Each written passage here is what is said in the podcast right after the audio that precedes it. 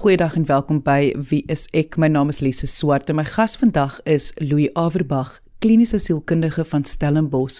En ons gaan vandag gesels oor die belang van geestesgesondheid, die belang van geestes ongesondheid en om te verstaan wat is besig om te gebeur in die wêreld rondom geestesgesondheid. Indien jy enige vrae het, kan jy ons kontak deur die webwerf gaan net na wsek.co.za of jy kan direk vir my 'n e-pos stuur. Dis lise@rsg.co.za. Maar kom ons luister nou eers na my gesprek met Louis Averbag oor geestesgesondheid. Louis, jy as kliniese sielkundige wat lewenslank werk jy met geestesgesondheid of dan net seker sekerlik geestesongesondheid. Ervaar jy dit dat meer en meer mense en dit is so moeilik om dit so te sê, maar wil deel wees van die wêreld van geestesongesondheid? Man, ek dink nie dit is dat mense noodwendig wil geestesongesond wees nie, maar mense is nie oor die algemeen gestel op geestesgesondheid nie. Of kom ek stel dit so dat mense was nie altyd gestel op geestesgesondheid nie. Baie onlangs eer. En lyk dit vir my is daar 'n 'n 'n groot stroom, 'n groot beweging van bewustheid rondom geestesgesondheid en mense wat heel openlik en aktief by hulle self beoog en be, beywer om geestesgesond te wees. Ons kom 'n lang pad met bewustheid rondom fisiese gesondheid, nê? Nee? En bewustheid gaan deur sulke fases vir die afgelope paar dekades is daar 'n groot klem op fisiese gesondheid en dan gaan die mensdom kollektief deur die ete en bewustheid van oefening en ehm um, suiker, die gevare van suiker en so. Dit kom daarom nou al 'n lang pad, maar meer onlangs het mense begin bewus raak van geestesgesondheid. So dit lyk asof daar 'n bietjie integrasie kom tussen hierdie twee en asof mense begin besef maar geestesgesondheid en fisiese gesondheid is nie eintlik baie ver van mekaar af nie. En as mens mooi gaan dink, is dit baie keer dieselfde ding. Nou voor ons daarby uitkom, ons verstaan dat ons is nog in die oorgangsfase. Daar is nog te veel mense eintlik wat dink dat ons maak te 'n groot storie van geestesgesondheid. Geestesgesondheid is eintlik nie so belangrik nie is dit vir jou waar wat ek nou vir jou sê en hoe hoe hoe sou jy hierdie mense wat nog so voel oortuig of probeer verduidelik dat dit is net so belangrik soos wat jy sê wat oefening en dieet is? Jy sien die situasie is dat daar definitief baie baie meer bewustheid is rondom geestesgesondheid. Dit is so. En ons is seker op 'n plek waar ons kan sê dat daar die meeste bewustheid nog ooit is. Daar is die meeste beweging. Daar's groepe wat hard druk uh vir geestesgesondheid bewustheid die tegnologie help ensovoorts ensovoorts en ons het ons het nogal baie ver gekom wat dit aanbetref. Maar ons kan ongelukkig moet ons nog steeds sê lesse dat ons is in 'n krisis. Nou daar's 'n bietjie van 'n paradoks in hierdie ding. In die sin dat mense die mees bewuste is van wat hulle altyd was, veral die sogenaamde generasie Z. Um, is geweldig bewus van geestesgesondheid. Maar dit is ongelukkig nog nie genoeg nie. Ons sit met groot probleme. Is psigiatriese toestande is meer algemeen as kanker, as hartprobleme en as diabetes, nê. As ons gaan kyk, daar word beraam en dit is heel akkuraat dat ten minste 450 miljoen mense wêreldwyd 'n vorm van geestestoestand ervaar. Dink bietjie daaraan, dis 'n geweldige hoë syfer. Die bekende major depressie val onder die 10 toestande wat die meeste siekte in die wêreld veroorsaak En en hoor hierdie een gaan oor minder as 6 jaar globaal die hoofoorsaak van siekte wees. Nou kom ons kyk bietjie na 'n paar ander syfers. As jy gaan kyk na meer as 'n miljoen mense wat selfdood pleeg jaarliks wêreldwyd. Dan kyk kom ons gaan net na Suid-Afrika met van die hoogste selfdoodsyfers in die wêreld. 23 mense per dag wat hulle eie lewens neem en dan is daar natuurlik twee maal soveel meer wat probeer. Dit terwyl ons eintlik net 5% van ons totale begroting in Suid-Afrika vir gesondheid op geestesgesondheid spandeer. Dis van die laagste persentasies in die wêreld.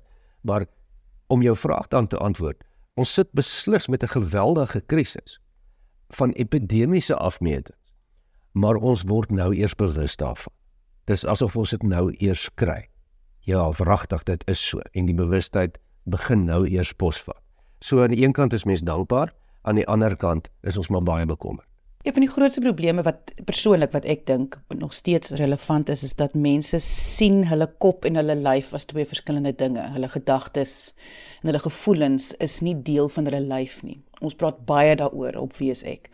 En hierdie is vir my 'n voorbeeld daarvan want as jy sê dit eh, dat sê net maar iets soos maar depressie is een van die grootste gevare vir vir lewens in die wêreld, dan dink ons almal outomaties aan selfdood.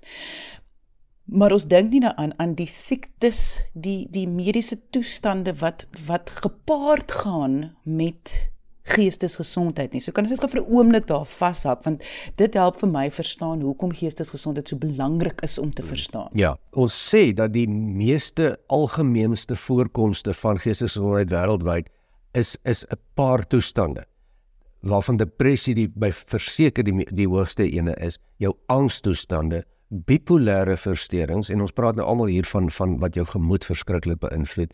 Skizofrenie, afhanklikheid, dwelmafhanklikheid, posttraumatiese stresversteuring en demensie is van jou mees algemene geestestoestande wat in die wêreld voorkom. Nou ongelukkig, soos jy tereg sê, is dit nie toestande wat geïsoleerd voorkom nie. Daar word gewoonlik komorbiede toestande rondom dit uh, ervaar. Mense wat skizofrenie mee gediagnoseer is byvoorbeeld het baie hoër voorkomste van depressie, angstigheid, dwelmgebruik ensovoorts ensovoorts ensovoorts. Uh, so ons kom met 'n baie lang pad in ons menslike ontwikkeling dat ons geestestoestande as iets vreemds sien, as iets misterieus, as iets wat in mense se gedagtes bestaan. Jy is heeltemal reg. En daar is 'n baie lang historiese aankoms van hoe ons na geestesgesondheid kyk. Ons is in 'n baie kort tydperk wat ons na geestesgesondheid kyk op 'n wetenskaplike manier. Tot in die middel van die 19de eeu was geestesgesondheid maar eintlik iets wat wat jy aandink as randfigure van die samelewing. So tot en met die middel van die 19de eeu was dit mense wat weggeskryf was, wat eintlik gestraf is daarvoor, meestal godsdienstig geskraaf uitgeskuif, uh, vreemd ervaar, bespot, uh, gemarginaliseer. Hier in die middel van die 19de eeu het daar baie sterk bewegings begin in Engeland en Amerika wat ook oorgespoel het Suid-Afrika toe dat ons mense wat geestesversteurd is moet in institusies sit. Hulle moet daarom gehelp word. Was die redenasie. Ons moet nie meer van hulle lag en hulle wegskuif nie. Kom ons help hulle. Maar daardie institusies wat tot hier in die 20ste eeu nog aangehou het, uh, was maar eintlik plekke wat waar rillers verhale afgespeel het, né, nee, Lise? Ek meen daar is mense in haglike omstandighede aangehou en is eintlik maar baie keer is die geestesgesondheid nie aangespreek nie. Dit was slegs met die draai van die 20ste eeu. Toe Sigmund Freud en sy makkers basies begin het om wetenskaplik na menslike gedrag te kyk, om menslike gedrag aan 'n ander lig te sit. En dat die ontwikkeling van bewustheid rondom geestesgesondheid begin het. En as ons mooi gaan kyk dat eers ongeveer die afgelope 10 jaar lisse was daar 'n groot omswaai gewees in hoe ons na geestesgesondheid kyk. Tot en letterlik omtrent 15 jaar terug, 10 jaar terug was daar 'n geleidelike opbou van momentum, maar het mense nog nie na geestesgesondheid kyk as ernstige iets en iets wat deel is van ons menslike fisiese kondisies nie. Nog heeltyd daarna gekyk oor die algemeen as iets vreemds, mense wat nie hulle self kan beheer of hulle gedagtes kan orden of net nie hulle gedagtes kan regkry nie of waarmee daar groot foute is. So ons staan in die kinderskoene van bewustheid van geestesgesondheid waarmee al die ou konsepte waarna jy tereg verwys, die feit dat mens liggaam en siel apart is en dat jou gedagtes nie deel is van jou liggaam nie of dat jy nie jou brein is nie. Daardie verouderde terme wat tot baie onlangs nog 'n rol gespeel het. Ja, wat baie mense ook sal dan eh, die punt laat staaf, maar hoe weet ons wat ons weet is reg? Want dit is nog so 'n jong wetenskap dat jy weet, is ons nie dalk besig om mekaar op die verkeerde pad te lei hierson nie. Ek weet mos, daar's baie mense wat sulke teorieë het en sê ja, maar jy weet, is nog so jonk en hoe weet jy nou wat is depressie? En miskien kan jy dit self regdink en jy weet, jy moet net bietjie sterker wees in in jou eie wese en jou eie selfvertroue. Ja, die meeste wetenskap is maar relatief jonk in die menslike ontwikkeling in elk geval. En en hoe weet ons waar ons heen gaan met geestesgesondheid is nie net 'n paar teorieë en gedagtes wat mense uitgedink het nie. Dis baie maklik. Met die ontwikkeling van van wetenskap met tegnologie en met moderne metodes was daar oor die afgelope 50 jaar 'n geweldige toename in navorsing, maar ook in navorsing wat op bewyse gebaseer is, bewysgebaseerde navorsing. Die wetenskaplike uh, vooruitgang van van die bestudering van menslike gedrag het vir ons mooi daarom kon kon wys dat dit wat mens gedink het jy kan nie sien nie, kan jy mos maar eintlik sien. Jy het net goeie tegnologie nodig. So as jy byvoorbeeld dink aan die voorkoms van angstoestande, daar is tegnologie wat die limbiese stelsel kan skandeer, wat die aktiwiteit in die limbiese stelsel kan raak sien, kan wys uh objektief en kan wys hoe die impak op die immuniteitstelsel is en waar die groot gevaar dan eintlik is. Dis nie meer net 'n teorie nie, dit ons ons praat nou van 'n wetenskaplike proses wat hier gevolg. Ons gaan daarop vooruit. Louis dit voel asof ek vandag eintlik teen wie ek probeer gesels die program teen jou beroep maar ek probeer duiwels advokaat speel ons sit ons ons bevind onsself nou weer in 'n situasie waar sosiale media het die wêreld oorgeneem en ons het nog nie reëls en struktuur rondom dit nie en ons glo amper alles wat ons sien. En dit geld dan ook vir geestesgesondheid want waar daar amper nooit oor geestesgesondheid gepraat word nie, is dit amper nou oral. Dit is om ja, jy kan omtrent nie jou sosiale media oopmaak sonder dat iemand nie vir iets oor jou geestesgesondheid gaan sê nie. Voel jy ons is dalk nou te bewus te sensitief en ons sien onsself dalk as te swak. Kyk, geïmpliseer in wat jy sê en vra is die is die gedagte dat mens kan 'n 'n lekker fase deurgaan van bewustheid waar alles skielik gaan oor 'n ding en dan waai dit oor. Dis so slim tolle of 'n keto dieet of 'n Atkinson dieet. Is ons nie dalk nou weer in 'n nuwe bewustheid en almal is skielik opgewonde en dan waai dit nou weer oor na die volgende gier toe. Die geestesgesondheid is maar nou net die netste ding. Weet jy nee, en die opgewondenheid en die baie praat en die baie sosiale media en die bewustheid wat nou daar oor geestesgesondheid is, is nog steeds nie genoeg nie. En en en ja, mense is dankbaar daarvoor. Maar dit is nog steeds te min, nê? Onthou ons kyk na die syfers En ons sê hier is regtig 'n krisis. Regtig 'n krisis, meer as 1 in 5 volwassenes reg oor die wêreld sukkel met hulle geestesgesondheid.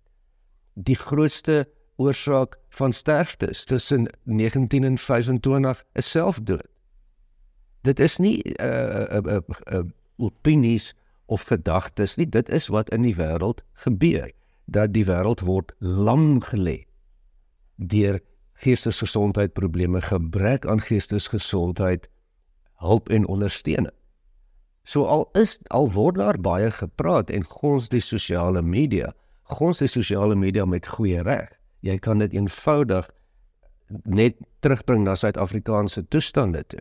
Hoeveel psigiaters, sielkundiges dink jy is daar beskikbaar vir die algemene publiek by by 'n uh, provinsiale en staatshospitale vir mense wat dit nie kan bekostig nie. Ons moet liewers nie na die syfers gaan nie, maar daar is vir honderde duisende mense is daar geen hulp nie. Terwyl ons ekonomie en algemene gesondheid eintlik lank gelê word deur geestesgesondheid probleme. As jy as mens net gaan dink wat dit kos, as jy net finansiëel dink, dan behoort ons amper voltyds op die sosiale media en in die media hierdie probleem aan te spreek al is dit net vir finansiële redes. Dis 'n krisis. Dis 'n groot krisis. Ja, en ek hoop dit is wat wat die luisteraars vandag hier uitkry. Soos ek nou die hele tyd duiwels advokaat speel, voel dit vir my, dit is die punt wat ek probeer maak, is ons is verby die punt waar mens sulke vrae moet vra. Ons is verby die punt waar ons moet wonder Ja, maar is dit 'n regte ding? Is geestesgesondheid regtig so 'n groot probleem? Wat ons met hierdie program vandag wil neerlê is hierdie is waar. Hierdie is bewese feite en hierdie is 'n probleem. Nou wat doen 'n mens dan, Louis? Nou weet ons dit is geestesgesondheid, ons verstaan. Um uh jy het 'n wonderlike artikel geskryf dink ek in Vrye Weekblad waar jy opskrif was van koggel tot begrip. Jy weet ons is nou klaar gekoggel. Dit gaan nou oor begrip. Ja, en dit gaan nou oor oor krisisintervensie, né? En of ons dit wil hê of nie, dit is waar ons is. Geleidelik oor die afgelope 50 jaar het baie belangegroepe druk gesit op regerings, ook plaaslik navorsingsgroepe, akademiese groepe, uh bekende mense, glanspersoonlikhede, uh nie regeringsorganisasie om om op regerings en en bestuursrade druk op te sit om geestesgesondheid te erken uh, in wette in te skryf vir toegang tot die vir mense te gee tot meer geestesgesondheidbehandeling en so en dit en en dit is besig om te gebeur. Dit gebeur baie stadig egter en daar is groot benoudheid oor waar dit ons gaan laat. As jy kyk na Suid-Afrikaanse toestande en kom ons kyk net na ag kom ons kyk net eenvoudig na demensie. Die voorkoms van demensie en die aantal fasiliteite wat daar is om vir mense by te staan. En jy weet as jy deesdae sit met 'n uh, uh, kom ons sê 'n ouer in hulle bejaarde jare wat wat kom ons sê demensie begin ontwikkel of Alzheimer begin ontwikkel en die persoon kan nie meer na hom of haarself kyk nie en jy kan ook nie want hulle het spesialiseerde hulp nodig en daar's 'n veiligheidsrisiko. Waar gaan jy heen? En veral waar gaan jy heen as jy nie baie geld het nie? Selfs al het jy baie geld, gaan jy jou doodsukkel om 'n privaat fasiliteit te kry waar die persoon waardig kan ingaan en en, en mediese sorg kry. Uh, as jy nie welgesteld is nie, dan jy dit maar vergeet. En dit is die krisis. Nou kan jy dink wat se druk daar kom op gesinne, op die gesondheidstelsel, um, op die ekonomie ensovoorts ensovoorts. En dis 'n baie baie klein voor uh, voorbeeld, nee Lise. So waar ons nou is is dat ons eintlik geen ander keuse het as op nasionale vlak, regeringsvlak, provinsiale regeringsvlak, op plaaslike bestuursvlak om te integreer oor wat gaan ons doen waar gaan ons fasiliteite kry? Wat gaan ons maak? Want ekonomies kan ons dit nie dra nie. En en en, en natuurlik vanuit 'n gesondheidsperspektief is daar nie hulp vir mense. Daar's baie min hulp. So dit is waar ons is. Wat gaan ons doen? En ek moet sê mes mes kry seker ook die idee dat as mens dink aan al die probleme wat mens nie eintlik moet nie op so op een slag nie want dan raak ons baie angstig maar al die probleme wat in die wêreld is en veral hier in Suid-Afrika ons het ekonomiese probleme ons het ehm um, elektrisiteitsprobleme ons het werkloosheid. Maar daai eenvoudige klise van dit begin maar by jou wat jy kan doen en dit begin by jou onmiddellike omgewing wat 'n mens kan verstaan van jou buurman se depressie, wat jy kan verstaan van jou eie stres of jou eie angs om te begin verstaan wat is geestesgesondheid en weer eens daai ding van dit is nie apart van jou lyf nie. Is dit iets wat wat die klise wat dit is, maar is dit maar iets wat ons moet al hoe meer begin self doen? Ja, ja, ek hou baie van wat jy sê. Jy weet, as jy in die straat afloop en jy sien daar het jou buurman lê in die pad en hou sy, sy been vas en kreun van die pyn. Dan besef ons hy, die persoon het sy been seer gemaak. Ons verstaan wat dit is, ons besef dit is 'n pynlike ervaring, ons weet wat 'n beenbreek is en ons loop dan na die buurman toe en kyk of ons kan help om hom in die kar te laai en dalk by hospitaal uit te bring. Dit doen ons en dit doen baie mense. Want hulle verstaan fisiese beserings. Ons kom nou op die punt waar ons geestesgesondheidstoestande begin verstaan. En dit is iets wat ons almal kan doen. As jy sien jou buurman kom nie uit die huis uit nie, trek die gordyne toe en sit net die hele tyd voor hom en uitstaar. Dan is dit dieselfde beginsel. Dan dan wil ons sê ons moet besef, "Haai, die persoon word lam gelei deur een of ander gemoed." Miskien is dit so dat die buurman probeer aansit en wegkruip en werk vir my. Dit kan dalk so wees net soos wat dit kon wees dat hy aangesit het dat hy sy been seer gemaak. Maar meestal mense wat so presenteer sukkel met 'n swaar depressie en dit is dan 'n fisiese toestand. Hy's dan siek. En dit is waar ons verstaan inkom. As hy dan siek is, gaan hy van die werk moet afbly. Daar's nie produktiwiteit nie. Hy kan dalk nie meer 'n inkomste kry.